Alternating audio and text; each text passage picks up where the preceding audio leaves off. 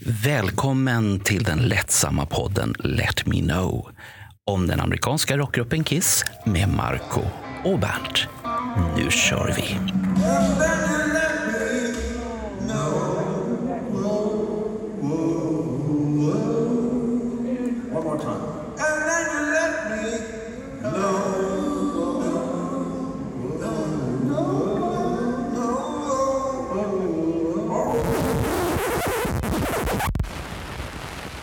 Marco, hej! Eh, Hej på dig. är, är det dags igen? Är det, Japp. är det vi nu? Nu är det dags igen. Fast vi körde tre timmar, över tre timmar sist, så är det dags igen att vädra strupen. Jag, jag har kaffe, som tur är. Ja. I en st- väldigt stor mugg. min- Det, det enda, enda jag ångrar här nu att jag gjorde en dubbel espresso. Undrar om jag kan sova i natt. Mm, det är jättegott. Så det får vi hoppas. sk- Skicka över den till mig. Hörru Marco, eh, Mm jag tycker att det här är så märkligt. Här sitter det två stycken gubbar i övre medelåldern och pratar om absolut ingenting som har med Kiss att göra. Och det händer två saker. Det första är att folk, våra Kiss-fans, de som lyssnar på Kiss-podden, de älskar det här. Och inte bara det, de gnäller över att vi inte har tagit upp Alice Cooper och de blir jätteförvånade över våra otroligt spretiga musiksmaker. I, I mitt fall så handlar det om Mika Betretov och du hade säkert några synder du också. Ja, den här italienska diskon förstod inte folk riktigt. Men Nej. är, är man där i 80-talet och har fastnat i det här hostandet med scotch, då kan det bli så i sådana Mm. fall att man fastnar i det. Och, och, då tänk, och då tänkte vi så här, nu provar vi något helt nytt. Alltså helt nytt. Vi, vi börjar från absolut början. Och vad vi har gjort nu är att vi har bjudit hit en person som helt och hållet, inte bara själv utan i grupp, är skyldig till att du och jag, Marco, att vi har den här podden. Det här samtalen om, om Kiss överhuvudtaget. Och hade det här bandet sjungit på sin releasefest, då hade det inte funnits någon podd. Men nu gjorde de inte det. Så att vi har bjudit hit en av förgrundsfigurerna för någonting som heter Car Jam 21. Och det är inte bara att den här personen är en del av Car Jam 21. Han heter Jesper Lindgren också. Hej Jesper! Kul att du ville komma till oss. Kul att du ville höra hur bra det var att du inte spelade på er egen releasefest. Och välkommen! Vilken ära att få vara med.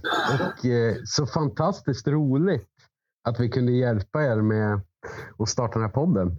Genom att inte göra någonting Mm. i princip. Ja, fast, fast ni spelade ju, Velvet Insane Ja. spelade, ditt band spelade väl? Exakt, och Bonafide att, men, spelade.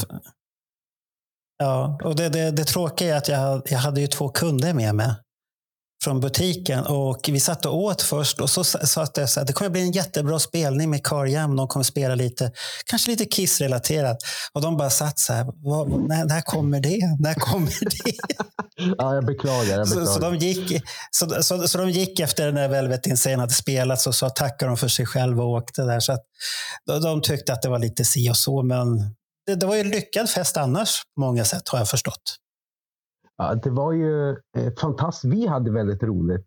Ehm, och tanken var ju att vi skulle, vi skulle sätta ihop gänget så. Vi skulle ha ett litet husband och vi skulle köra lite Kiss-låtar och lite annat så. Men vi fick ju, det var ju må- många saker som eh, hände under den här veckan inför. Dregen bröt foten bland annat och det var ju, folk blev sjuka. Ni vet hur det är. Eh, så vi hade lite otur, men det var ju bra att det var någonting gott som kom ur det hela. Liksom. Det kan man säga. Men om vi börjar med det här med Carjam 21. Varför började det projektet? Carjam 21 startades av mig och Gustav Kronfeldt. Ehm, och vi ville liksom, vi hade gjort ett projekt tillsammans tidigare. Han är ju eh, musikvideoregissör och producent och sådär. Så att vi hade gjort en liten musikvideo tillsammans. Och så, och så började, klickade vi och så kom vi in på vårt gemensamma intresse som är just Kiss. Och då kom vi fram till att vi, vi ville göra någonting roligt och vi ville göra någonting eh, som är väldigt kreativt och kul. Liksom. Eh, och då såg vi att det var jubileum för eh, Eric Cars bortgång. Så då tänkte vi att men, det är väl en superfin sak att lyfta det och lyfta han och att han äntligen får ännu mera ljus på sig. Ehm, och visa upp hans talanger och sådär. Ehm, och så pratade vi med lite kompisar, Dregen bland annat, Jesper Binzer, Martin Ekelund som är Gustavs eh, pappa och Jolle från Electric Boys och Ryan Roxy och ett gäng. Och så började vi bolla ihop den här idén och så spelade vi in fyra låtar och eh, gav ut den här EPn då. Helt enkelt. Jag, jag vet att jag besökte ju studion när ni var där och höll Mm. på. Vi skulle göra reportaget till Destroyer. Och det, det var lite roligt när ni hade de här intervjuerna med Ronny där. För ni hade helt olika sätt att se på Kiss allihopa. Så att det, var, det var lite festligt för det var, det var gamla Kiss och det var 80-tal och vissa hade ingenting för det. Och, men man tyckte Erik Carr var bra, men nej, 80-talet och sånt där. Det, det var, var väldigt raka. Ni hade era platser i Kiss-historien allihopa. Och den här grafiska profilen då, så det kanske är därför ni har en så väldigt stark grafisk profil i det hela. Eftersom Gustav är involverad i, i den biten. Plus någon i Uppsala har jag fått för mig att det var. Ja, Som alla, En alla de här grejerna. Så att det, var han i studion där och gastade Snowblind? Ja, det stämmer. Han var, var, med och sjöng. Han var med där och sjöng lite, lite körer och sådär. Men han var även där och filmade till en Ja. musikvideo. Ja, ja, okej. För att det, det är väldigt häftig grafisk profil och det sa jag till Gustav att den, den satt som en smäck om man säger så här. Den passade in och den här videon med flipperspels bakgrunden och allt det här. Det, det var riktigt grymt gjort för det, det får ju såna här kickar hos, hos, hos Kiss-fans. Vi kände igen det direkt. Då behöver man inte ha hört den här låten med Erik Carr någonsin. Om man inte har hört det, men man känner igen profilen. Jaha, det är något med Kiss. Eh, Marco, Mm. jag, jag, jag är lite besviken faktiskt på, eh, på dig och framförallt, ja, framförallt på Ronny också. Eh, jag var inne och filmade i Stockholm eh, samma dag som ni träffade Carl Jam-gänget för den här lilla eh, Band Pratar Kiss på söndagarna. Den här eh, vloggen som kommer ibland, men tydligen inte just nu, men kanske inom kort. Eh, Och då kommer jag ihåg att jag frågade Ronny, men, men var är ni någonstans? För jag fick ju rätt på, för han har ju tjatat om att han gärna filmade in, eh, de, här Aha. avsnitten. Och han ville inte berätta var han var någonstans.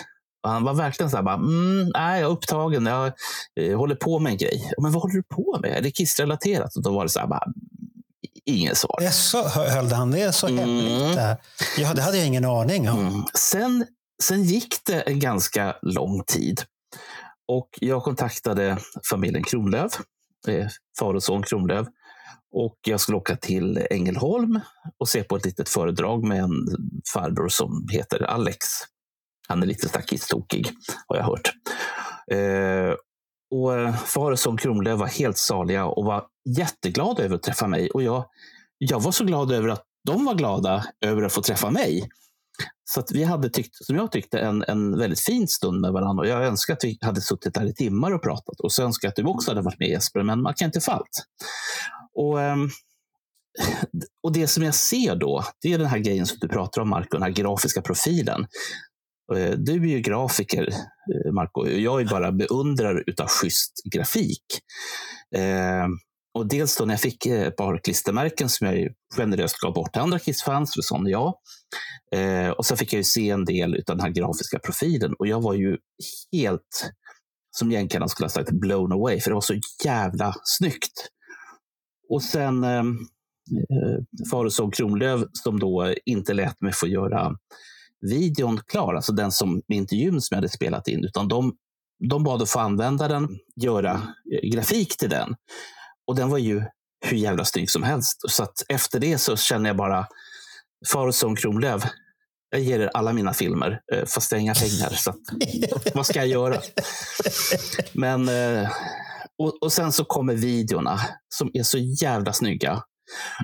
Och de här eh, ikonerna, att var och en av er har, precis som Kiss, en egen, liksom, det här är mitt Carjan 21-jag. Och det, det är så, ah, så jävla snyggt. Jag, jag blir så alldeles till mig i, eh, i strumporna här.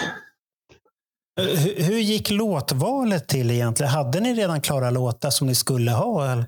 det vi visste var att vi ville spela in två stycken Eric Carr-låtar. Och då, eh, jag gillar ju Rockologgy sen, eh, sen tidigare och har lyssnat väldigt mycket på den plattan. Och då kändes det som ett enkelt val att välja Eyes of Love och eh, Can You Feel It som är två Eric Carr-låtar. Och det som är extra roligt med just Eyes of Love är att vi Medan vi jobbade med Carjen så fick vi kontakt med Eric Carrs syster Loretta Caravello. Och hon hade lite roliga, eh, vad ska man säga, lite hemliga grejer som vi fick ta del av. Bland annat så en eh, gammal demoinspelning som eh, Eric Carr hade gjort. 1987 eller 88 eller något sånt där. Och då fick vi ta del av sångspåret ifrån den demon som han hade gjort hemma med en enkel eh, bandare. Liksom. Och då har vi använt den i våran Eyes of Love. Så äntligen fick vi spela in en låt tillsammans med Eric Carr. Jaha, men har ni använt hela hans sång, hela, hela, hela biten? Ja, hela biten. Utav hans sång? Jaha, det har inte jag tänkt på att det är hans sångröst där ens en gång. Nej, det är hans... Varför? Ja, Jag, Eh, jag har bara tänkt på att, att, att den låter bättre än eh, originalet. Men ja, alla låtar låter bättre än originalet. För de har ju en, en, en modern, härlig så här, uh, som ni ska vara jävligt stolta över. För det låter så bra. Hur hur kommer det sig att du gillar den skivan då? Hans den här rockologgi med de här... Är det inte då han har de här hårbollarna? Eller var det serietidningen det mer? Som han Mm. hade att han skulle göra animerad film. Jo, Fanns exakt. den här, eh, det, det, det var, inte, var inte det i samma veva alltihopa det där egentligen som han höll på så gjorde han den här musiken. Och musiken var till det också. Ja, har för mig det då. Mm. Precis, där Rockheads som var hans Ja, eh, vad ska man säga, serietidning som han höll på att jobba med, eller massa seriefigurer. Eh, jo, men exakt. Och den här plattan, den är ju inte färdig utan det är ju liksom mycket halvgjorda demos. Det är ju några färdiga låtar, lite instrumentala grejer. Liksom. Men det var ju någonting, jag har alltid tyckt att Eric Carr har varit väldigt spännande. Eh, och jag kommer ihåg att när jag var under 2008, 9, 10 någonting där när jag var liksom 13, 14, 15 år så prenumererade jag på Destroyer och, och Destroyer Magazine gjorde ett större, en större artikel om just Eric Carr. Jag har för mig att de var i New York till och med och, och intervjuade Loretta. Um, och i och med den artikeln så fick jag ett väldigt stort intresse av just Eric Carr och köpte den här plattan Rockology och så sen eh, lyssnade jag på den hur mycket som helst. Liksom. Jag tycker att Jaha, han så är, det- en spännande, han är en spännande person. Liksom. han är väl rätt så mystisk egentligen tycker jag. För att han, när han kom in i Kiss då, 80 där, så han var ju en helt annat trumset på honom än vad Peter Criss var. Det var en helt annan trums, trumstil och sånt här. Men han, han har ju alltid varit blyg, lite mer blyg, men inte lika blyg som Bruce tycker jag. För Bruce var mycket, mycket blygare. Idag är Bruce inte lika, men han var mer tillbakadragen. Det uppfatt, uppfattade inte jag att Erik Carr riktigt var. Det sättet. För han, han var ju mer busig, hittade på mycket dumheter och grejer. Mm. Och tyckte om att busa med Gene och de här toalettgrejerna som man har läst om, sätta rök. Och så när Gene håller på med några speciella presentationer där på toaletten eller vad han gör. Så att eh, det, det var mycket sån här eh, fanstyg i honom. Och, och det påminner väl lite om hur ska man säga, Erik Singer är idag. För att han har ju också varit lite åt det hållet. Så lite busig, lite speciell.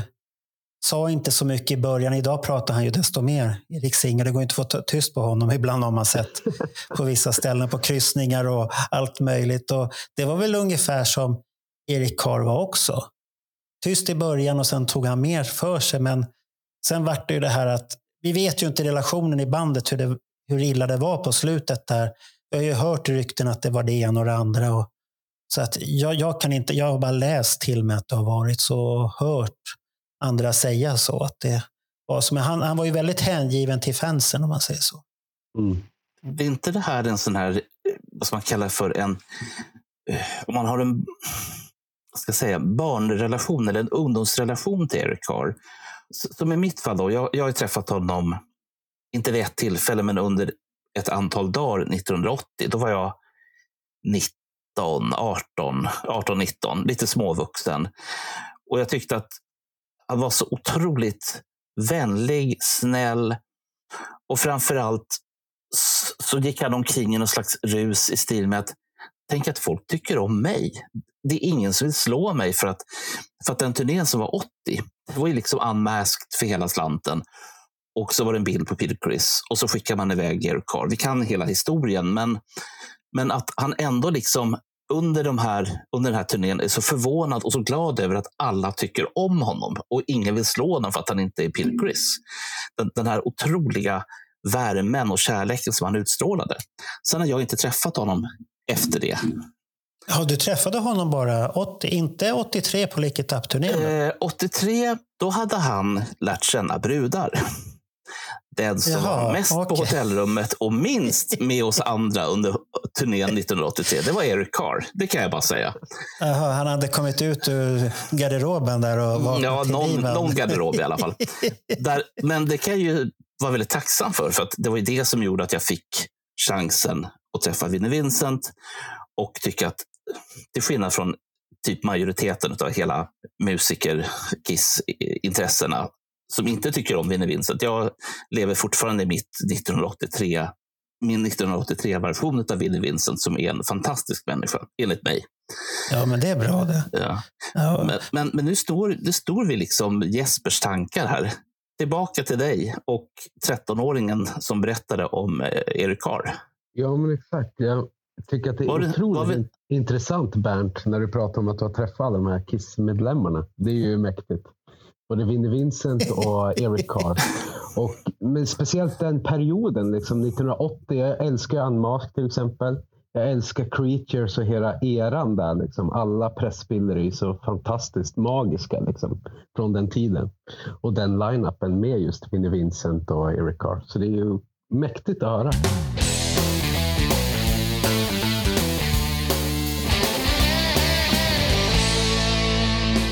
När är du född, Jesper? 94 vet När kom du? Så att jag missar ju hela, Är du hela 94? skiten. Oj, oj, oj. Du kommer lagom till när de ska återförenas. Ja, jag var Då är du för liten för Ja, gå. exakt. Jag var ju för liten för att komma in på arenan. Men, men när upptäckte du Kiss då? Hur gammal var du? Var du 13 exakt när du upptäckte eller hade du hört på något sätt innan? Jag upptäckte Kiss när jag var 10 ungefär. Ehm, och det var min mamma som visade ett gammalt kassettband som hon hade haft när hon var ung. Eh, och hon, hade, hon var ett stort Kiss-fan och Sweet-fan och AC/DC och hela grejen. Six Pistols. Och, ehm, och då var det ju Double Platinum och den första låten jag hörde var ju Strutter från 1978, den versionen. Och den versionen äl- Ja, ja. älskar jag verkligen. Ehm, och så sen hörde jag Love Gun och hela köret. Och sen var jag ju fast. Sen så blev det ju... Sen efter det Får jag hade... bara fråga, vad, vad, vad, vad var det som fick dig fast där? Jag visste ju inte om att de hade smink. Det hade jag ingen aning om. Utan jag, visste, jag såg ju bara det här lilla Double Platinum-omslaget på kassett. Så jag hade ju inte hela den visuella grejen. Utan det var just låtarna. Liksom. Det var ju energin och drivet framförallt i, i Strutter. Som jag, och det gillar jag verkligen fortfarande. Liksom, I just den versionen. Jaha, så det, var, det var musiken som du föll för med andra ord? Då. Absolut. Men hur det. kändes det sen när du upptäckte det andra då? Det måste ju varit någon chock. Så vad är det här för någonting egentligen? Ja, men exakt. Sen köpte jag ju liksom en, eh, en Best of-skiva med Kiss. Liksom, och fick se deras ansikten på omslaget och tyckte att det här måste ju vara världens bästa band. Låter man, har man låtar liksom som på Double Platinum och så har, ser man så här cool ut så måste det ju vara världens bästa band. Och sen dess har jag varit fast. Liksom. Ja, du, du ser, den där kombinationen är livsfarlig där alltså.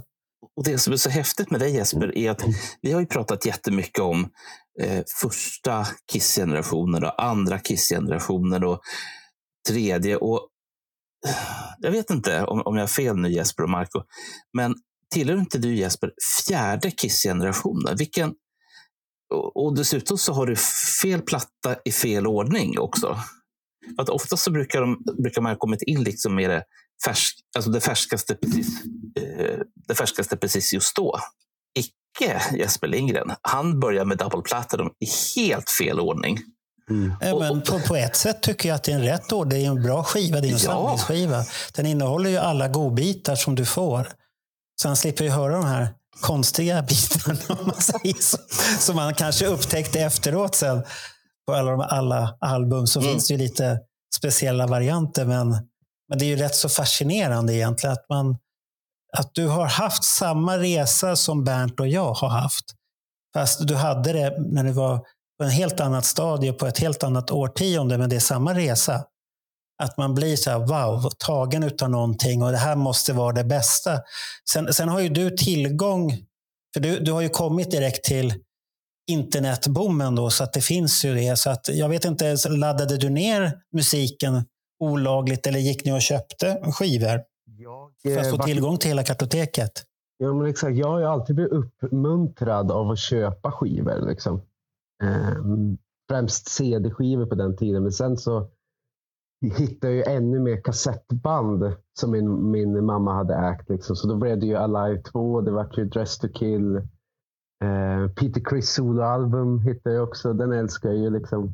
Så jag, det är, jag har ju en fascination för kassett. Jag älskar det formatet.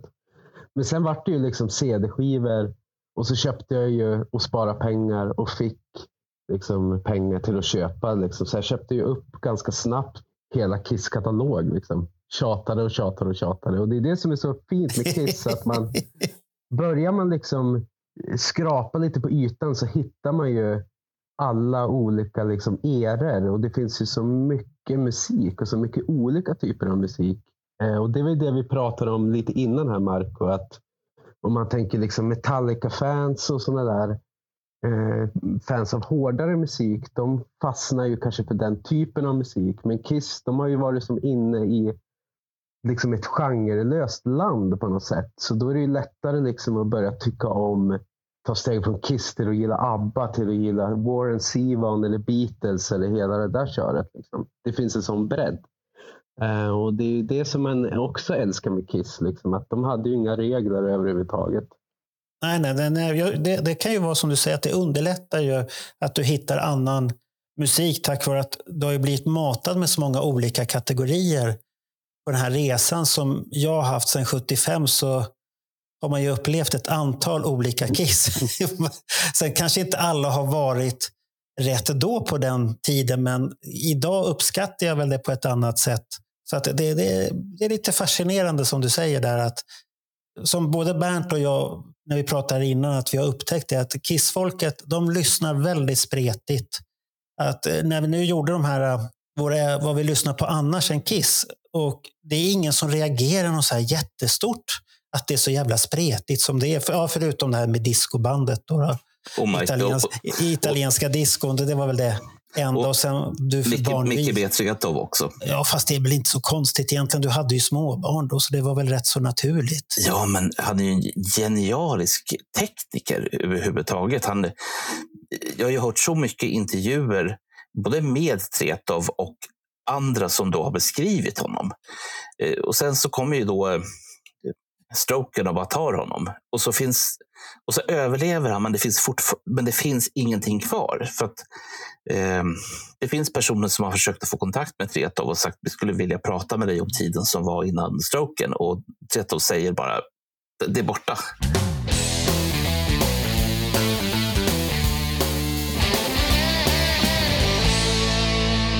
Vad, vad, vad håller du på med annat än CarJam 21? För det är ju inte det, det enda projektet som du har.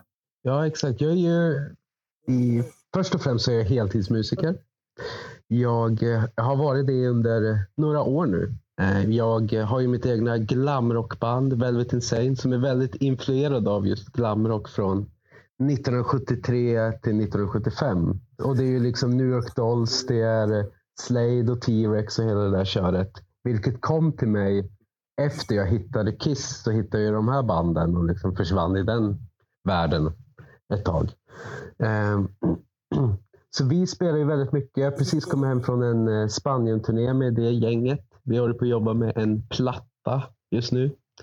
Och så håller vi ju självklart på att jobba mer med en, eh, med en uppföljare till Carian 21. en andra platta helt enkelt. Men förutom det så gör jag ju spelar väldigt mycket och kompar olika musiker och artister och eh, ja, kör lite blandade spelningar. Man måste ju få plånboken att gå ihop så att säga. Och så förutom det, sen så har jag ju, jag, håller på med lite öl. Har ju ett ölmärke tillsammans med Dreg som heter Riff. Som eh, finns Ja, så som... är du inblandad i det? Har ni gjort Japan-lansering eller var det bara ett reklamjippo?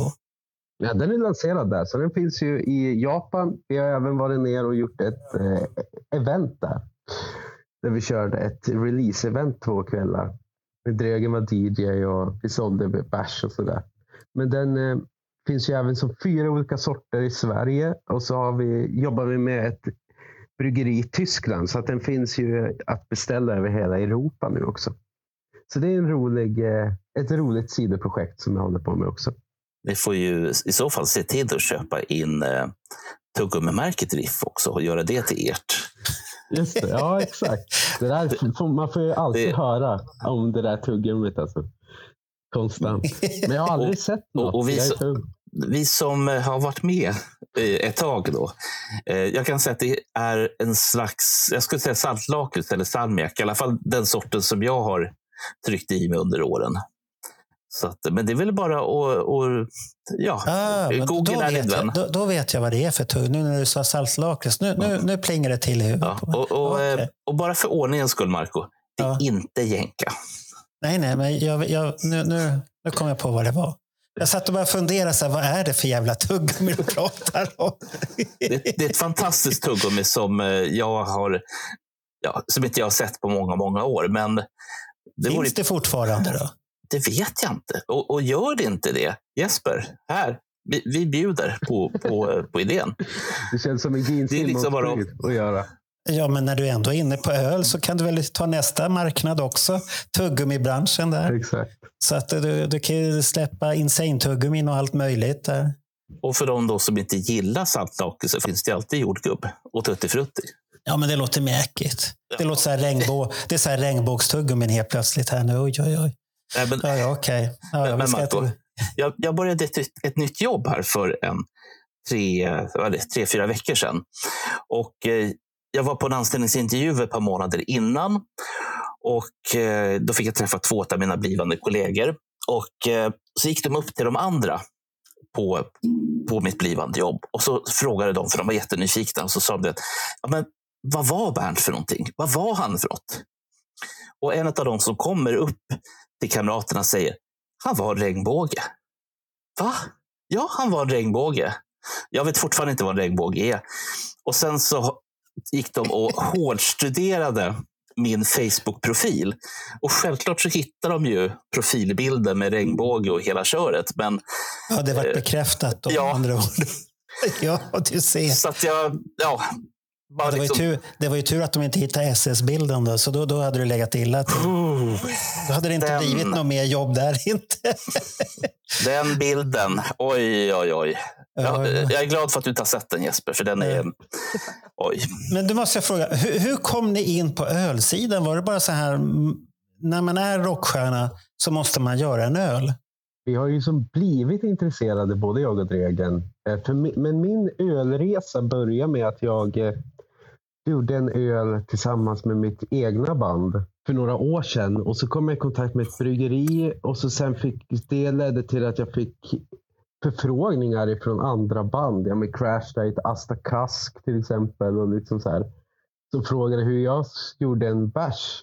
Och så gjorde jag öler tillsammans med dem. Och så sen kom jag i kontakt med Dregen under samma period och började och det var ju Kiss som drog oss tillsammans också. Liksom. Vi började snacka om Kiss och så började vi liksom, märkte vi att det klickade. Och så kom, frågade han liksom vad jag höll på med annars och så började vi snacka lite om bärs. Och så var, blev det corona eh, och då kunde inte han ut och spela och inte jag heller just i början. Så då kom vi fram till att vi ville göra någonting kul tillsammans och vi ville göra en öl. Och så vart det riff helt enkelt. Och sen har det bara rullat på sedan dess. Och sen har ju han är ju som Dregen är, att han är ju 100% inne i någonting och verkligen går in för saker. Så han, vi har ju varit i bryggeriet som ligger uppe i Älvsbyn. Eh, som vi gör Alltså, är, är den där, där uppe? Ja, exakt. fy fasgotta, det är ju Mm. det är ju lång resa. Absolut, det är ju 12 timmar Ja, ja. från Stockholm liksom, med tåg rakt upp. Ja. Eh, Så han och jag har ju varit upp dit och vi har ju liksom stökat på med malt och humle och testat oss fram och kört på. Liksom. Ja, Jag, får väl prata med min son som är kökschef på Carnegia-bryggeriet där. Deras restaurang där. Att eh, fråga om de har riffölet. Annars får de väl kontakta. Exakt. Men problemet är väl att det är kanske en, det är en konkurrent och då är det svårt. Jag, vet- jag vet inte hur det är med den där biten. Hur, hur, hur låsta man är på olika ölsorter där. Så att de, de har ju sina egna öl, men de är, de är goda. Så. Mm. Ja, ja. Men eh, den här kissres... Ja, det finns andra sorter som man säger på SVT alltid. Så att det, det är så tråkigt. Nu finns det bara riff, säger vi. Riff, riff.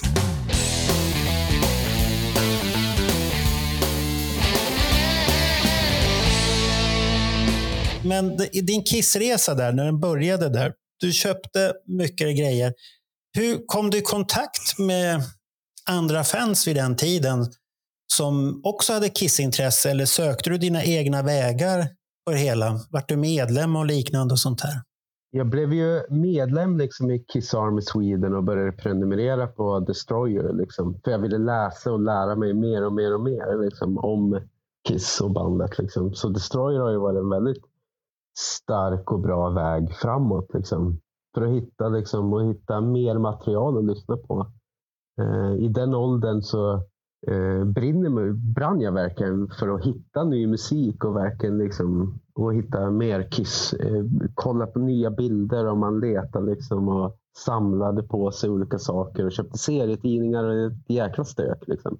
Hela min familj är väldigt musikintresserad så att det fanns ju alltid folk där som man kunde prata med. Liksom, om det var morsan eller brorsan eller syrran liksom, och prata om just Kiss. Liksom, och de tipsade liksom, och hjälpte till att leta med nytt material. Och sen träffade man en massa kompisar och man började visa upp Kiss för dem. Liksom, och sen startade jag eget band och köpte en egen elgitarr liksom, för att jag ville bli som eh, Ace Frehley och liksom, hela det där köret. Liksom. Mm. Eh, ja, sen eh, startade man eget Var, var, band. var, var, det, får jag bara fråga, får jag bara fråga, var det Ace som var din idol i bandet? Eller föll du från någon annan också? Eller? Det är vi. För, Alltså, I början så var det ju Paul Stanley har ju alltid, liksom, som för alla Kiss-fans, har ju han ett speciellt eh, ställe i hjärtat. Liksom. Men sen älskar jag ju Ace. Jag älskar ju även Eric Carr. Liksom, och Bruce Vinnie Vincent. Liksom. Jag tycker liksom Vinnie Vincent på promobilderna från Creatures, det finns inget coolare än så. Liksom. Men det är väl ungefär som Carl Linnaeus skrev i krönikan senast, att Vinnie Vincent var ingenting att leka med, för han ser väldigt arg ut på de här Creatures-bilderna. Han ser farlig ut. Så Ja, han skrev där i krönikan, det där var ingen persons... Han ser, han ser farlig ut, den där personen. Det tycker jag är lite roligt. Så sen om man tänker hur han är sen annars, så- så är han ju inte så farlig. Sen kan han väl vara envis och så, men farlig är han ju inte på något sätt, tycker jag. det, det är det här som jag tycker är så makalöst. Just det här som ni pratar om. Eh, för jag tror också att det ni pratar om är de sminkade bilderna 82. Eh, och så sitter jag liksom i, i en eh, restaurang i Uleåborg ett och ett halvt år senare med världens snällaste människa som helst bara vill prata om sina katter och hundar och djur överhuvudtaget. Han vill ju inte prata om musik, han vill prata om sina djur. Eh, fast jag fattade inte bättre på den tiden, så jag hade massa frågor och sånt där. Men grejen var att han var så jävla trevlig. och, eh, men vad jag förstått i efterhand är att man ska tydligen inte göra business med honom, men träffa honom gärna privat. Ja, ja, men det, det han, jag har ju träffat honom 96 på Just första, det. första, eller var det 95? 95 kanske det var. Ja, 95, 90, nej det var 96. Första Kiss-konventet med honom, eller andra var det då, var det Vin Vincent. Då träffade jag honom. Och det, det, han var jättetrevlig och som det enda jag tyckte var tråkigt, han, han skulle bara promota sin det här äh, soloalbumet som hade kommit. Och då var han ju i en period med de här äh, fruktansvärda gitarr onani-skivorna. Där bara gnisslar gitarr och så ska han spela så jävla högt. Mitt under signering. Det var så jävla högt. Och så man, han hörde ju inte vad man sa när man skulle, han skulle signera någonting. Man fick ju skrika till honom ungefär för att det var så himla högt. Och han digga och frågade, är det bra det här? Vad ska man säga? Nej, jag tycker, jo, självklart var det jättebra, säger han. Det är det vanliga. Du som är musiker då Jesper, vad säger du om de här enorma gitarrsolorna som finns överallt? Gitarrsolon intresserar inte mig så mycket faktiskt. Som, jag gillar ju melodier och jag gillar ju liksom låtar på så sätt. Och Det är väl därför jag inte, mm. jag som gitarrist har ju inte suttit liksom och tragglat massa licks och sådär. Liksom. Men absolut så kan jag ju liksom dra av ett solo, men det är väl lite mer åt Keith Richard, eh, Johnny Thunders hållet i sådana fall. Liksom. Mm. Eh, men absolut så liksom alla jag tycker att även fast Vinnie Vincent solar sönder ganska mycket material ibland och hela köret så han har ju en ton som, eller hade en ton som få har. Liksom. Genomsyras i just de här promobilderna från 82. Liksom. Man får liksom samma utstrålning av den här aggressiva tonen. Liksom. Men så, och så tycker jag Bruce Kulick är en fantastisk gitarrist. Och han är otroligt trevlig också. Och han har ju vi jobbat tajt med, med Carjam-projektet också och bollat allting med. Och, eh, jag fick ju äran för några år sedan att göra en låt tillsammans med han i mitt band. Där han är med och sola lite granna och han var med och skrev lite och ja, var lite som en producent på håll. Liksom. Var han lätt att jobba med eller var han bestämd? Och... Han är ju bestämd på sin sak. Liksom. Han vet ju vad han vill. Eh, men det är ju bara en, eh, en positiv egenskap eh, just i det här. Men jag tyckte han var otroligt lätt att ha att göra med. Liksom, och, ja, raka rör. Liksom. Var, var du förresten på Kissing Time här nu när Bruce var där? Nej, jag var ju inte det. Nej, du missade det? Ja. Aj, aj, aj, aj. För då, spelade, då var han lite sur på ljudteknikerna när de skulle ställa in alltihopa. Och herregud vad förbannad han var. För det var, det var, det var någonting som de som skickade musikutrustningen till oss, PA och allt det, det var någonting som saknades. Och Det visste vi inte överhuvudtaget. Och sen, sen ordnade det sig så vart allting bra. Då var, mjuknade han ju själv upp också. Han har, som du säger, det här bestämd, men det finns en väldigt mjuk sida och ödmjuk sida också. Så, så kan han bli grinig, men oftast är han väldigt trevlig, tycker jag. Han har ju, eh, som jag kan tycka i alla fall, jag som satt inlåst i min ångestgarderob där i 35 år, eller hur fan länge det nu var. Eh, och så kom jag ut, för att när jag klev in, då hade ju Bruce precis klivit in i bandet och sen då när jag kommer ut så var han ju definitivt inte kvar. Men det som jag ser är ju då en otrolig värme och en generositet till musiker som är Kiss-fans. Och det är ju det, både det som ni har varit inne i Jesper och eh, till exempel Reggae Kiss. Det finns andra exempel också, men jag är så oerhört fascinerad av hans värme och generositet och schyssthet mot att, och att han ställer upp på allt som verkar bra. Mm. Ja, men det, det, gör han ju. Han ställer upp på väldigt mycket. Och det, men det kanske är hans sätt. Han vill vara involverad. Han, det märkte du väl under corona där hur kreativ han var helt plötsligt. Först när han klippte sina första Youtube, det var inte så här jättebra. Men nu för tiden är han väldigt duktig när han gör de här hyllningsgrejerna. Sen vet inte jag om han har någon extra hjälp som hjälper honom. Men eh, det, det blir väldigt bra. Jag tyckte hans videos under corona de var väldigt, väldigt roliga. Han sitter och gör, kör ett riff från en låt och visar gitarrer och sånt här. För det, det bjöd ju inte Kiss själva på överhuvudtaget. Ingenting nästan. Det, det var väldigt, Paul gjorde väl något lite mm. framträdande akustiskt, men det, det är de andra som bjuder oftast på såna här grejer. Och han har blivit väldigt mycket att han bjuder på sånt. Men din Kiss-resa där. Nu, nu svängde vi iväg på ett sidospår med alla de här gitarristerna där och alltihopa. Om vi återgår där. Du, du började plocka skivor och grejer och sånt här. Och, eh, fick du några direkta favoritalbum? Jag gillar ju liksom Tidigt så blev jag ett stort fan av Creatures för jag älskar ju liksom den hårdare sidan av Kiss också. Och så, men jag älskar ju även Unmasked liksom tidigt med alla de här powerpop-låtarna. Den är fylld av anthems, eh, tycker jag. Jag älskar ju den skivan fortfarande. Men sen så är det ju alla, alla klassiska album och jag gillar ju liksom jag gillar nog alla Kiss-skivor. Jag har lite svårt för Hot in the Shade och Carnival of Souls. Men annars, och Monster såklart. Men eh, annars så tycker jag, ja, det är bra, bra skit helt enkelt. Det är bra grejer. I, i, idag ska jag bara komma med en lite rolig historia här när du nämnde Monster här nu. Jag hade en kund i butiken idag som kom in. Han, han är, gör mycket böcker och han säljer dem i vår butik. Så var han förbi och lämnade lite grejer där. Så hörde han att jag spelade Kiss. Och så säger han så här, åh vad häftigt att du spelar Kiss och allt det här. Det tyckte han var skitbra. Och vi, han lyssnade och så sa, men då sa jag bara så här, men jag trodde inte du gillade Kiss. Men det gjorde han. Och, och så sa jag, vad var ditt favoritalbum? Ja, då nämnde han faktiskt Monster. Och då sa han att, eh, ja, är favorit, men han nämnde att han gillade Monster, att han hade återupptäckt den nu på senare tid. Och då sa han så här, sen vet jag att du har en podd. Eh, och då sa jag, ja men du ska inte lyssna på de här där vi dissar Monster. sa jag då. För då, då blir han besviken i sådana fall, för man, men man kan ju tycka olika. Det kan man ju göra. Eh, vi har ju inte dissat Monster i alla 20 avsnitt som vi har gjort. Nej, Det tror jag inte i alla fall.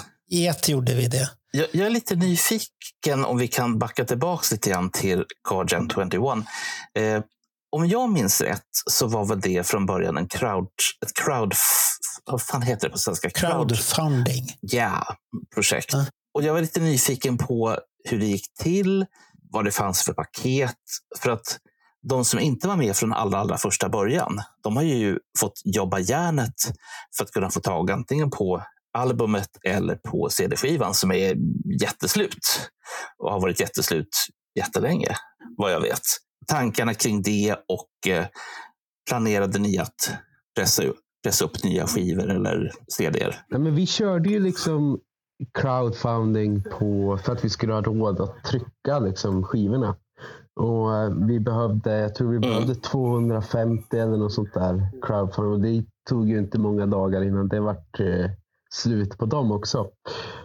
Eh, och då har, Mm. eh, tryckte vi liksom en vinyl som var full med extra grejer liksom, och coola bilder på Eric Carr och oss. Och liksom, vi hade klistermärken och gruggisar och plektrum och affischer och allt möjligt. och sådär. Vi är ju fantastiskt nöjda. Liksom. Vi har ju liksom, eh, gjort en, en Kiss-skiva liksom, helt enkelt. Det har varit vårt mål liksom, att göra, Mm. tänka lite som Kiss. Liksom. Trycka in extra grejer tänka grafiskt Kiss. Man kan ju liksom känna igen olika Kiss-referenser i hela skivan i princip. Liksom. Allt ifrån omslaget som är en, som är en vink till eh, Crazy Nights, ja, alla plektrum och hela köret. Liksom.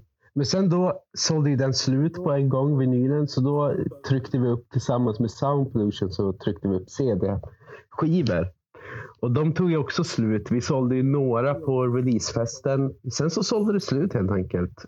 Och vi har ju pratat om att vi kanske borde trycka upp någon till. Men vi gillar även att det ska vara lite limiterat och svårt att få tag på helt enkelt. Så nu siktar vi in oss på att jobba med våran eh, uppföljare. Så det blir en fullängdsskiva med åtta, nio spår. Eh, fyllt med coola Kiss-covers och Eric Carr-låtar och massa annat godis som vi håller på att jobba med för fullt nu i studion. Men, men kommer det vara de här andra låtarna vara med på det albumet igen då? Eller, Nej, eller det är det helt vara. nya låtar? Det är helt nya Så det är låtar. helt nya låtar? Oj, ännu mer alltså? Absolut. Jaha, så då blir det releasefest igen då? Ja, exakt. Och den här gången ska vi inte spela så ni kan starta en till podd. Nej, det ska, den här gången får ni lov att spela i sådana fall. För att jag har ju hört att äh, de flesta ska väl vara... Det, är det samma musiker den här gången också med i, i Karjan? Och några nya. Eh, Andreas Klerup är med. Han har ju fått den stora äran att skriva en eh, text på en eh, Eric Carr, Eric Carr musik som han inte hann göra färdigt på en låt. Så då har ju Klerup fått äran att skriva Oj. lite ny text på den. Och vi håller på att jobba med den just nu och den är ju fantastiskt fin och bra. Han är ju så. Och så sen har vi Mats Levén från Vandenberg och Yngve Malmsten är med och sjunger. Martin Sweet från Crash Diet. Eh, vad är, vilka är det med? Det är ett jäkla fint gäng. Så det är ju några kvar sen förra plattan, men eh, många nya också. Vad hände i musikerkretsen när den här kom ut? Var det, var det liksom något särskilt sådär, wow, det här vill vi vara med på? Ja, men lite så. De flesta musiker eh, är ju Kiss-fans liksom. Och har ju varit i kontakt med Kiss på något sätt. Eh, och så finns det ju vissa som säger att de hatar Kiss, men jag tror inte på dem riktigt. Jag tror att de eh, snackar nog bara... Mm. Ja, de, är, de är smygisar. Ja, exakt. Ja. Nej, men så det finns ju väldigt många som eh, vi fick förfrågningar om att folk ville vara med. Men vi vill ju också vara ganska så picky och välja liksom kompisar till oss så att vi får en schysst dynamik. Liksom. Och vi ska ha roligt i studion och vi ska ha roligt liksom, i våra gruppchatter som vi har där vi bollar liksom, idéer till omslag och videos och skickar recensioner till varann. Och det ett, eh, skickar liksom kissnörderi till varann. Eh, gör vi mycket. Mm. Så vi vill ju ha liksom, det är ett fint kompisgäng liksom, som gör det här. Så vi vill ju behålla den känslan. Jag tänkte också på Redcar, alltså eh, Lo- Loretta. Mm. Ehm, du var inne på lite grann att hon, hon har ju vad heter det, upp, uppviglat er. Ehm, men hur har hon reagerat sen och hur känner hon nu inför, eh, inför fortsättningen? Hon och Bruce har ju vi haft ett väldigt nära samarbete med och kontakt med. För de eh, förvaltar ju allt som har med Elkar att göra. Så vi har fått frågat om lov eh, och velat göra det. Liksom, så att de ska känna sig nöjda och 100% tillfreds med det vi gör. För det är ju väldigt viktigt Mm. för oss. De har ju fått höra låtarna först och vi har ju bollat lite med dem när det kommer till bilder och liksom vad de tycker och sådär. Eh, Så de är ju med i processen. Och det var ju otroligt kul att få skicka liksom, den färdiga skivan till dem och få höra liksom, deras uppskattning och vad de tyckte. Och Bruce skickade tillbaka bilder liksom, där han tackade så mycket, där han håller i skivan. Och det är en så surrealistisk grej att man får se Bruce Mm. som man har haft på väggen i princip hemma. Liksom, och lyssna på Crazy Nights och Animalize och liksom Asylum och alla de här fantastiska skivorna och Revenge. Liksom. Och så står han och håller i min skiva. Den känslan och hela det är så surrealistiskt. Liksom, så det går ju liksom inte. Mm.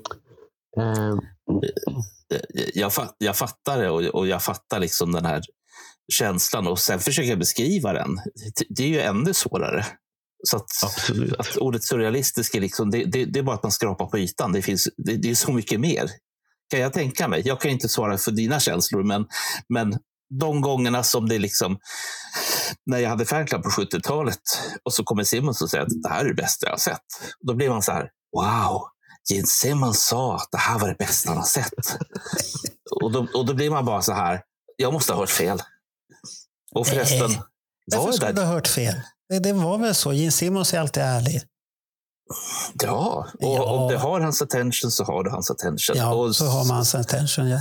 Jag sen vill jag fortfarande kanske slå honom lite grann bara för att eh, han säger att eh, rocken är död och att eh, det är sådana som, som vi som dödade den därför att vi inte har betalt för skivor. Eh, Ja, ja, men det, Mm. det säger alla. Nu har du Jesper, han kommer också säga rocken är död här nu snart. Så, att, så vi får hålla oss lugna här nu. Så på det sättet. Har, har du någon favoritlåt med Kiss överhuvudtaget? Är det I was made for loving you? Nej, inte riktigt liksom. Men på senare år så har jag faktiskt upptäckt den låten igen. Och det är faktiskt Gustav som har gjort så att jag upptäckt igen, den igen. Eh, för man var ju lite trött på den och liksom den har ju varit så här lite mjäkig och för självklar. Liksom. Men om man lyssnar på den vad ska man säga, igen med ett tredje öra nästan så fattar man hur bra den faktiskt är och hur genialisk den är. Och det finns ju en anledning varför den är kanske en av världens största låtar genom tiderna. Liksom. Eh, men mina favoriter, jag älskar ju Tomorrow från Unmasked. Jag gillar ju liksom War Machine och Rock'n'Roll Hell från eh, Creatures. Love Lover All I Can från Dress to Kill. Mainline från than, alltså, Hell. Det finns ju så otroligt många. Psycho Circus, eh, Unholy. Det finns ju Heart of Chrome är också schysst från Revenge. Alltså det finns för många liksom, bra låtar. Så det är svårt att säga någon favorit. jag är otroligt förtjust i den här blandningen som bara kom ifrån absolut ingenstans. Du behövde inte ens tänka efter. De bara landade där, ett gäng låtar från ett gäng olika plattor. Så att, wow, säger jag. Men så brukar det ju vara när det är Kiss. Vi Ja, pratade ja. ju om det från början, att det brukar ju spreta hit och dit. Så att det var väl inte så konstigt det där. Nej, men, men Nej. Jesper fixade det här på fem röda. Det tog, hur många timmar tog det för oss att plöja igenom låtskatten? Det tog ju ett dygn nästan, va?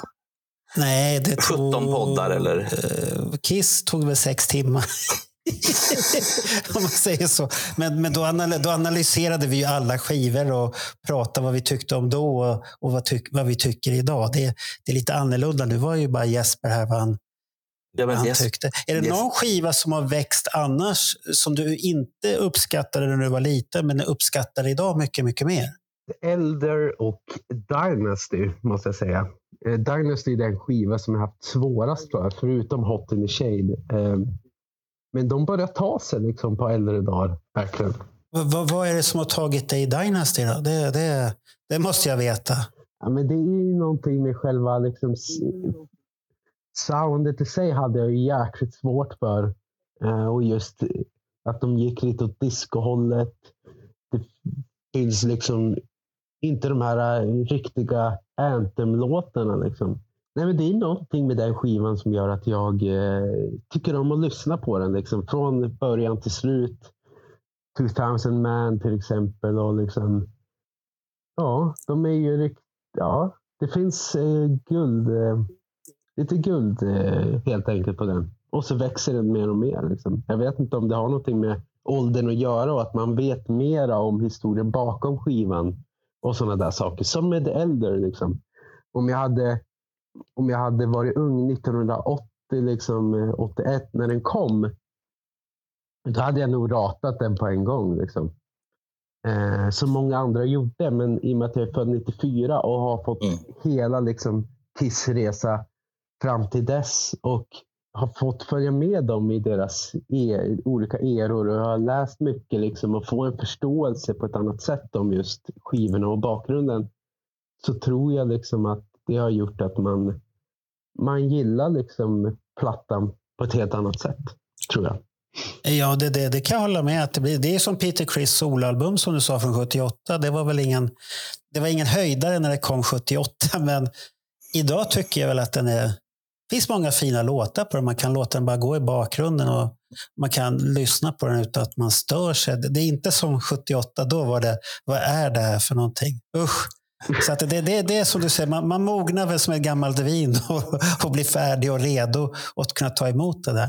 min, min Så det- fråga blir ju, är det skivan som har mognat eller är det lyssnarna som har mognat? Ja, det är nog lyssnaren som har mognat tror jag.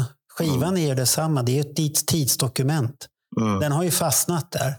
Den ändrar ju sig inte överhuvudtaget. Det, Så är det ju med all musik. Den, den är där. Det är som klassisk musik, Bach. Det har ju låtit likadant alltid.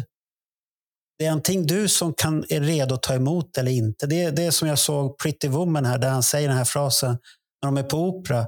Antingen älskar du det och förstår det eller så hatar du det. Sen kan du lära dig att tycka, men du kommer aldrig få passionen för det. Så, så vad du säger, Marco, är att om jag hade levt på 1700-talet och lyssnat på Bach då, så hade jag känt på ett sätt, men jag känner på ett annat sätt nu, eller? Ja, du kanske inte gillar, men sen hör man det tillräckligt länge så blir du ju van också. Det, det äldre är nog en sån skiva för många. att Har du hört den tillräckligt länge så börjar du bli van vid det där och du accepterar soundet. Så är det med många band som du kan lyssna på, som du har första gången. Så, ah, vad är det här för någonting? Det, det, det ska jag säga när jag lyssnar på Velvet Insane. Jag hörde det på skivorna, det, det fastnade inte. Sen gjorde ni en singel som kom ut här. Det är någon bil som åker i början Mm, mm. som brummar på en rätt så ny singel som ni har. Och den fastnade. Det, det var någonting som fastnade med mig och då, då lyssnade jag på de andra. Okej, det här var inte så dåligt kanske. Så, så att, så att du, du måste ibland vara mogen och kunna ta till dig vissa saker. Det är inte så jävla självklart alltid. Vissa, vissa låtar sitter som en smäck och det sitter, men då, då är ju risken också att du kan bli trött på det. Jag följer en kille som heter Brandon Snyder på, på Youtube. Eh, han är en sån här kille som i princip köper alla nya rockplattor som man vill ha. Eh, har nästan 12 000 CD-skivor. Och hans resonemang är att det finns olika dagar, olika sinnesstämningar.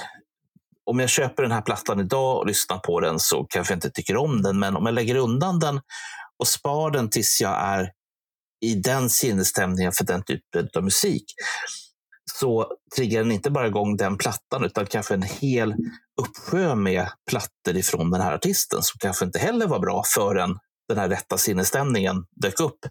Och jag vet inte om det är någonting för Brandon Snyder eller om det är någonting som Jesper och Marco skriver under på. Jo, men det kan man göra tycker jag.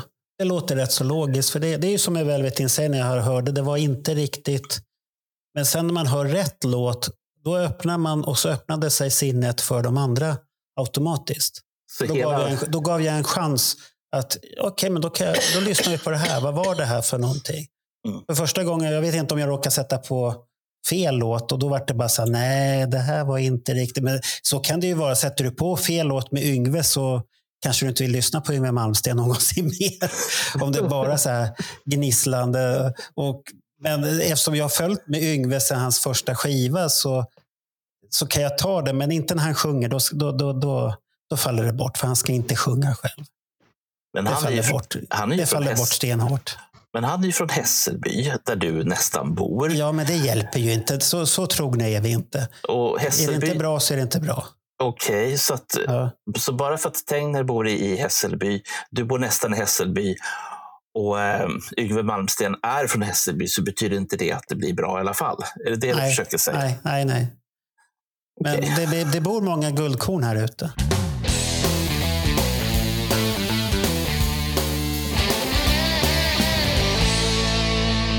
Eh, Samlar du på någonting då Jesper? Du, du när ändå är Kiss-fan, samlar du på något? Nej, jag är ju ganska så lat på den fronten.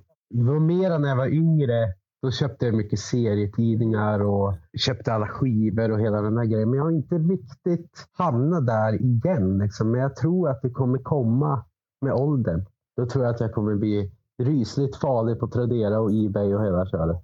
Jaha, du, du väntar på att vi gamla gubbar ska bli så gamla så att barnen börjar sälja våra samlingar.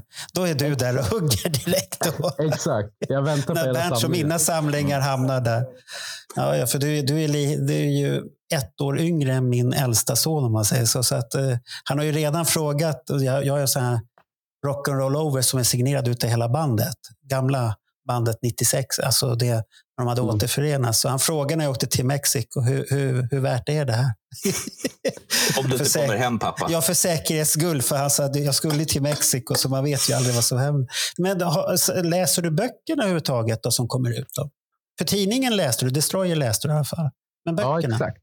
lockar det? Nej, egentligen inte. Liksom. Men jag, jag är, är ganska dålig på att läsa överhuvudtaget. Jag köper en bok så kollar jag på bilderna. Jag är ju så otroligt lat. Jag tror jag måste ha någonting kreativt. Jag måste ha någonting direkt på något sätt. Liksom. Det är därför musik är så bra. Liksom, för det är tre minuter in, ut liksom, eh, genom örat. Och, eh, och det är väl liksom Nej, men jag har lite, lite svårt med att hålla fokuset en bok igenom liksom, just i dagsläget. Utan jag måste ha någonting nytt liksom, och kreativt att hålla på med. Tror jag. Har, har du köpt någon bok som bara handlar om Kiss? Ja, Har det du har någon jag. i arkivet överhuvudtaget? Nu ska vi se. Det är ju, jag är ju så dålig på namn. Men det, någon när de har den här klassiska New York-bilden. Jag undrar om den är släppt 90 Ja, det, det 90-tal. är Carl Linnaeus. Carl Linnaeus bok. Är det den du tänker på? Nej, det är det inte. Utan det är ju, den är på engelska och så i någon, de berättar hela historien fram till återföreningen tror jag. Och så går de igenom varje låt och varje platta med varje medlem som var med på återföreningen eh, där på slutet av 90-talet. Nu kommer jag inte ihåg vad den boken heter. Men den har jag faktiskt läst och läst väldigt mycket när jag var yngre och kollat vad Peter Criss egentligen tycker om eh, Jeans soloalbum till exempel. och sådär. Och så ska de, sätter de betyg på alla låtar och varandras skivor och sådär. Så den är ju intressant. Sen har ju Paul Stanleys eh, biografi och Peter Criss biografi. Och jag har nog alla biografier. Liksom. Men jag har nog inte läst all, någonting förutom vissa delar liksom, i dem. som jag tycker är, väldigt, som jag tycker är mer Okej. intressant. Liksom. Jag kan ju bara hålla med Jesper, för jag tänker på min egen minikissebokhylla. Där jag... Alltså de, de böckerna jag har, de har jag ju mer eller mindre tvångsläst för att sätta mig in i olika situationer eller olika åldrar eller vad det nu kan vara. Och den enda jag har läst fullt ut är ju Chris Laneys, eh, alltså Kiss gamla business manager, hans Kiss and Sell, som är... Den är, Den tung, är bra. Den men är den är bra. Mm, den är bra. Om man vill ha reda på väldigt mycket om bandet så är den fruktansvärt bra. Eh, den, den, är, den är så nördig så att... Ja, jag har ju pratat om det med Uleåborg många gånger och Winnie. Men tittar man i eh, Chris Lenns bok så står det någon källare i Uleåborg på hotellet som jag inte ska gå in på. Utan har ni läst den så vet ni vad jag menar. I annat fall så får ni fan med ta och läsa den. För det, den halvsidan är värd att läsa. Ja, jag, har haft den, men jag, jag fick den på pdf faktiskt. Nu utav Roger Nilsson fick jag den på pdf. Så att det, det är jättebra. Så att då kan jag börja läsa den. Men det, det var lite jobbigt att läsa på padda än vad jag trodde att det skulle vara. Så det var, det var inte så här självklart. Det börjar bli, Och gam, skri- det börjar bli skri- gam, mm. Och Det börjar bli gammal. Ut, vadå gammal? Det har ingenting med ålder att göra. Det, det är känslan. Mm. Papper. Papperskänslan. Det gör, Ja, ja, det gör inte lika ont när den ramlar på huvudet när man somnar heller. När man får en på. Ja, det beror ju på hur stor boken är i sådana fall. Och sånt där. Men har du några speciella minnen, till exempel då Jesper? Första konserten eller någonting annat? Jag har ju sett Kiss två gånger, eh, men jag önskar att det var fler gånger. Jag såg dem på Stadion 2010, måste det ha varit. Eh, Och eh, sedan så såg jag dem i år när de var i Stockholm. Ehm, och jag kommer ihåg första gången man såg Kiss på just arenan var ju en otrolig grej. Liksom. Då var man 15, 14 eller 15 år och eh, man var mitt inne i den här Kiss-fanatiska eh, perioden. Liksom, och få se dem live var ju helt otroligt. Liksom. Men sen är det ju mera liksom, man har sett eh, jag kommer ihåg eh, den här Kiss. De gjorde ju en DVD som heter Kiss My Ass. Bitar ifrån när de spelade in den här hyllningsskivan Kiss My Ass som kom på 90-talet. Och då kommer jag ihåg att jag vart ju helt golvad av alla intervjuer och alla gamla, då visade jag någon gammal reklamfilm ifrån Kiss My Face Makeup. Och den, just den reklamlåten som de kör, den måste man lyssna på. Mm. Det var också en sån här, helvete vad den eh, satt liksom. Och den, den vart jag helt golvad av. Jag tyckte att det var så otroligt coolt hur ett band kunde liksom vara så visuella rakt igenom och ha liksom smink som de säljer. Liksom. Och ha, ett, ha en sån cool låt som jag, tyck, jag tyckte den var cool då. Men sen är det mera liksom när jag, jag menar, när jag hörde Strutter från 78 liksom på eh, Double Platinum kassettbandet. Den känslan är ju eh, någonting som är väldigt svårt att beskriva och eh, väldigt liksom, svårt att ta på. Men det är ju, man blir ju golvad liksom. Och även eh, samma känsla när jag såg Crazy, Crazy Nights-videon på VH1. Och då var det liksom hela det visuella med hela den videon och den där låten ekade ju. Refrängen ekade i min hjärna i flera veckor efter det. Liksom. Eh, och jag var tvungen liksom att hö höra låten om och om igen. Och samma sak med Stay Yeah från, eh, från Sonic Boom. Det var också en sån låt. Liksom. Så jag har många sådana minnen där jag kan liksom säga vart jag var och eh, liksom, när jag hörde den första gången. Och den här känslan av att man måste höra och lyssna på låten om och om igen. Liksom. Att man blir helt golvad. Så det är mest, mestadels sådana minnen liksom, som jag har med Kiss.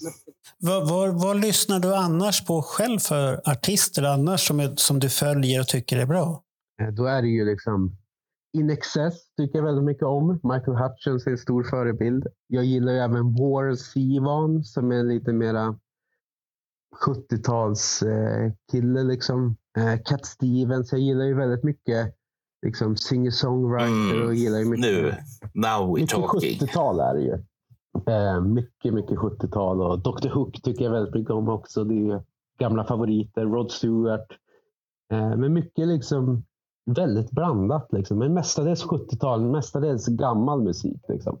Det, den biten blir så jävla häftig för att eh, nu är jag ju fem år äldre än vad Marco är, men just de här grejerna som du tar upp nu, det ingår liksom i det här 13-14-årings eh, stuket från mig.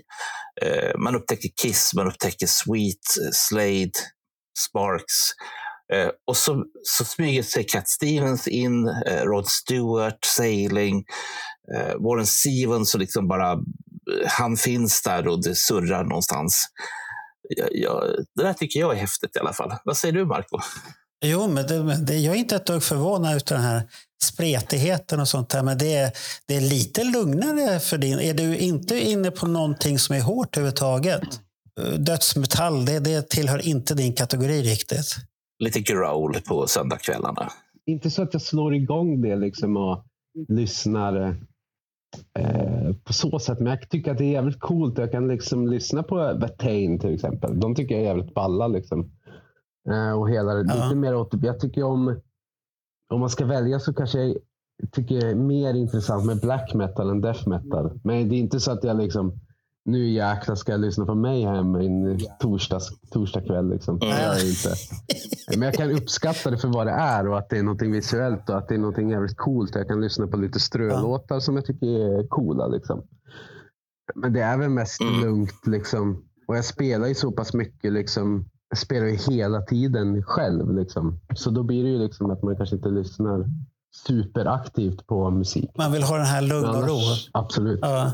Ja, men det, är, det är häftigt att det är så, att det är kontrasterna. Det är väl det som gör musik så speciellt, att det finns de här kontrasterna med lugnt och, och det här tunga. Det, man kan välja olika typer och lyssna på beroende på hur tillfället är. Jag tänkte på det här med, det kan jag inte släppa, eh, Car Jam 21. Vi har liksom en av the, the real guys. Eh, när kommer den? Den nya alltså, den här som vi har pratat om. Jag, jag blir ju alldeles till mig i, i, i strumporna här. sen är det svaret. Den kommer sen.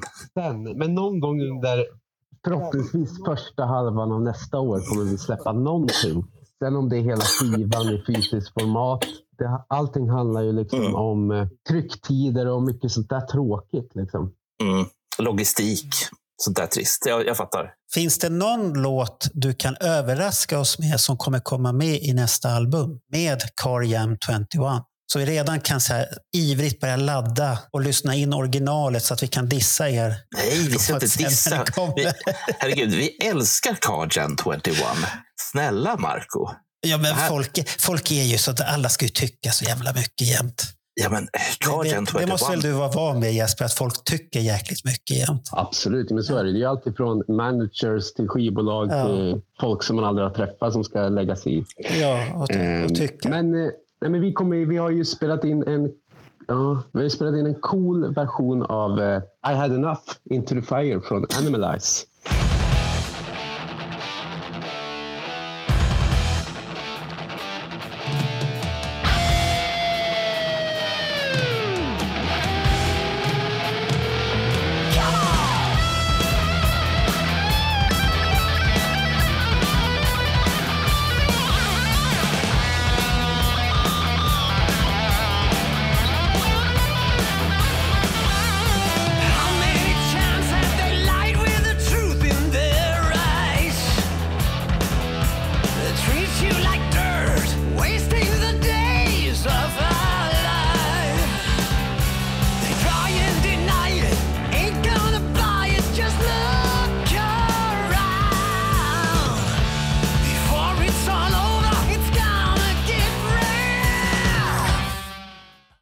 Vart jag tyst här, för det där, ja. det där var riktigt häftigt. Den såg du inte komma, Marco. Nej, den såg jag inte komma. Den där hade jag inte tänkt med.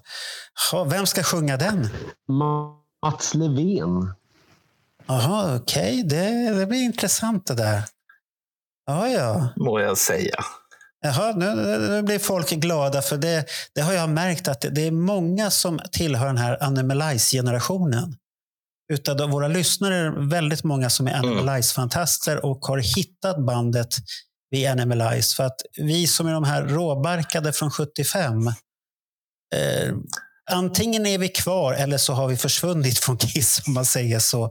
Så att många är ju borta från den generationen som inte lyssnar på Kiss längre. De vet vilka Kiss är men de är inte lika engagerade som vissa av oss är. Då, då.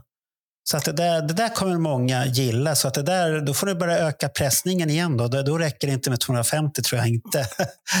De kommer ta slut väldigt fort i sådana fall. Vi, vi, Om det kan, för kommer sådana där redan, vi kan för redan nu ska, ska liksom hjälpa dig med att göra konfetti och sånt där så att, så att det räcker till alla, alla skivorna som ni ska pressa upp nu. Vad ska det vara konfetti i skivomslaget? Det är klart det ska vara konfetti. Åh, De är, de är väl moderna? Ja, De- de det, är- räcker, det räcker med C. Jag, jag, jag för mig att jag köpte CD-skivan på releasen. Där i alla fall, på releasepartyt. Där. Men den fick du ingen konfetti i. Nej, men det räckte. Jag, jag la den på hyllan, så lyssnar jag på Spotify. Jag, jag har väldigt svårt, orkar inte sätta på CD-skivor längre. Det är Q, herregud, Marco. Cubus. Du måste ha någon kvalitet. Du kan inte komma liksom och vara slätstruken med Spotify där vi har, där vi har Jesper från Cardjam 21 här i vår podd nu. Ja, då, då vill Jag du blir- inte veta vad som hände med min fina vinylspelare. Den har jag packat in och vadderat in och lagt ner i källaren. Vad gör jag, den där? jag, jag köpte den och sen stod den bara och damma. Varför Det, det är ju om sig så knastrar det när man ska spela och hålla på. Nej, och så ska man byta sida. Jag kan hellre ta och titta på vinylen och spela Spotify så tittar man på vinylen så blir det samma sak. Men Spotify låter fortfarande skräp. Eh, Cubus, Marco, det har vi pratat om många Ja, ja, ja. Du, du har inte så bra öron som du tror, Bernt. Jag tror inte det.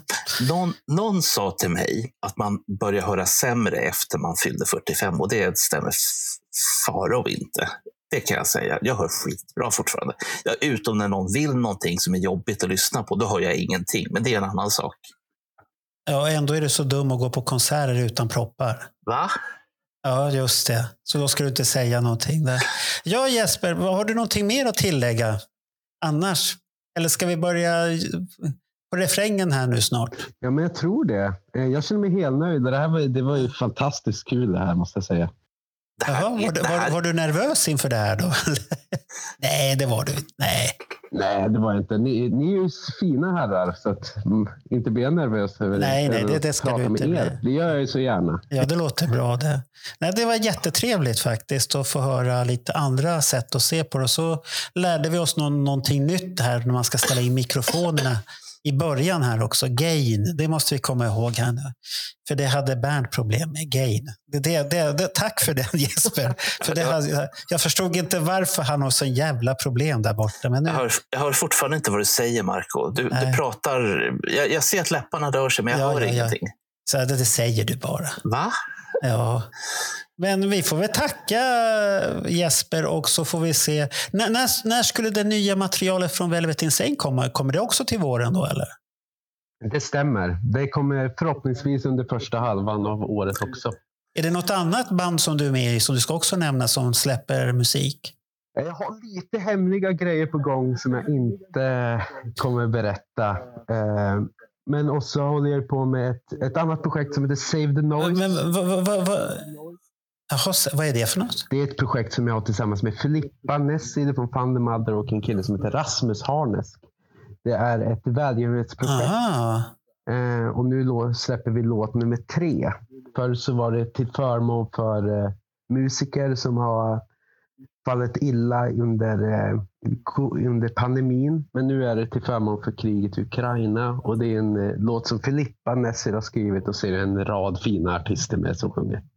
Så det är väldigt kul och den kommer i början på nästa år. I början av januari. Så den kan man kika på. Jaha, okej. Ja, ja, för nu har de ju riktigt jobbigt i Ukraina där. Jag läste att ryssarna hade ökat bombningarna nu och försöker bomba bort vattenverk och energiverk och sånt här så att det ska bli strömlöst och vattenlöst stort sett i Ukraina. Precis lagom till vintern. Så, att, så att det, det är ju inte mot soldater. Det här är ju mer som civilangrepp på civila människor. Och det är många som kommer behöva hjälp. Därför en vinter där nere, den är fruktansvärt kall. Den kan bli lika jävlig som här uppe, fast de är så långt ner. Kanske vi behöver fler projekt också. Jo, det kan vara. Men då förstår jag vad Filippa varit inblandad. För jag följer ju henne på Facebook och så. så att, och då, jag har för mig att hon var här i helgen på någonting sånt där också. Mm, precis. Eller rätt så nyligen i alla fall, i studion där. Och, jaha, så det är det. Okej, och de andra var jättehemliga, de andra projekten? Ja, ett annat projekt i alla fall. Men det kommer visa sig under, Ja. eh, om några månader. Förhoppningsvis kortare. Liksom. Det är ett väldigt kul projekt. Ja, Och ja. gillar man 70-tal så kommer man Asså? hoppa högt när man hör det här. Jaha. Mm. Är det eh, någon sweet-återförening som ni ska göra med Andy Scott som producent? Ja, det, vore, det kanske vore mäktigast faktiskt. Ja, för det, det hörde jag på skivs, vad heter det, skivsnack eller vad det heter. Som går på, det är en podd. Eh, Och där hade de som gäst P.O. Thyrén. Jag hade ingen aning om att det var han Andy Scott som var med och gjorde skivan den här med Shaboom. Det, det förklarade ju jättemycket varför Shaboom låter väldigt mycket sweet. Så det, det var, var ju så här, jaha, det är därför de har det så. Jag hade ingen aning om det. Det är sånt här man missade då överhuvudtaget. Så det, Ja. det kan jag rekommendera. I det här läget, nu, nu har du öppnat dörren här Marco. Sweet-dörren alltså. Um, Andy Scott gjorde i mitten på 80-talet ett par solosinglar, bland annat en jättehäftig låt som heter Kruger Rans. Och, um, de här finns inte strömmande, de finns inte utlagda överhuvudtaget.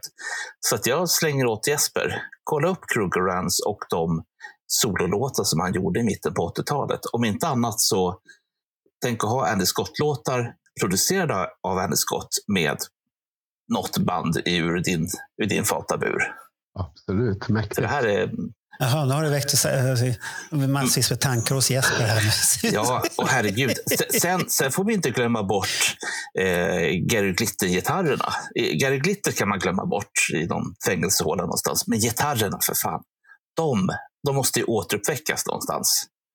Ja, ja och det, det kan jag hålla med om. Men själva gubben, det- han, han kan vi ta bort helt och hållet. Alltså, det, det är lite synd. Men någon, sätt, någon måste ge sig på glittergitarrerna och Muds gitarrer. Och för att inte ens tala om eh, Mark Bolans gamla gitarrer. De här gitarrljuden som många band hade i början på 70-talet. Herregud, nu har ni, nu har ni väckt gitarrguden i mig också. Så att, ta åt dig Jesper, för fan, du har hela vintern på dig att fixa det här. Se till att de här går att köpa så att jag kan få betala lite också. Ja, men det låter bra. Det. Men ska vi tacka Jesper här nu då för ett trevligt tacka. samtal? Tack mycket Jesper. Så återkommer vi gärna när Car Jam är klara sen. Då kanske vi kan ha med Gustav också med i det projektet som blir ett samtal. Så att det, det får ni gärna återkomma när ni är redo och börjar närma er. Ja. Och så värsta fall kan vi ju ta det i studion då som vi har inne i stan i Stockholm. Då, då. Och då får du ta med riffraff, eller riff, inte riffraff, riff var det. I sådana fall till studion så blir det trevligt. Riffraff, ja, Riffraff är ju från 75. Ja, det, det ska vi inte ha med oss. Det får, det får han släppa. Det får, behöver han inte ha med sig. Det får du behålla.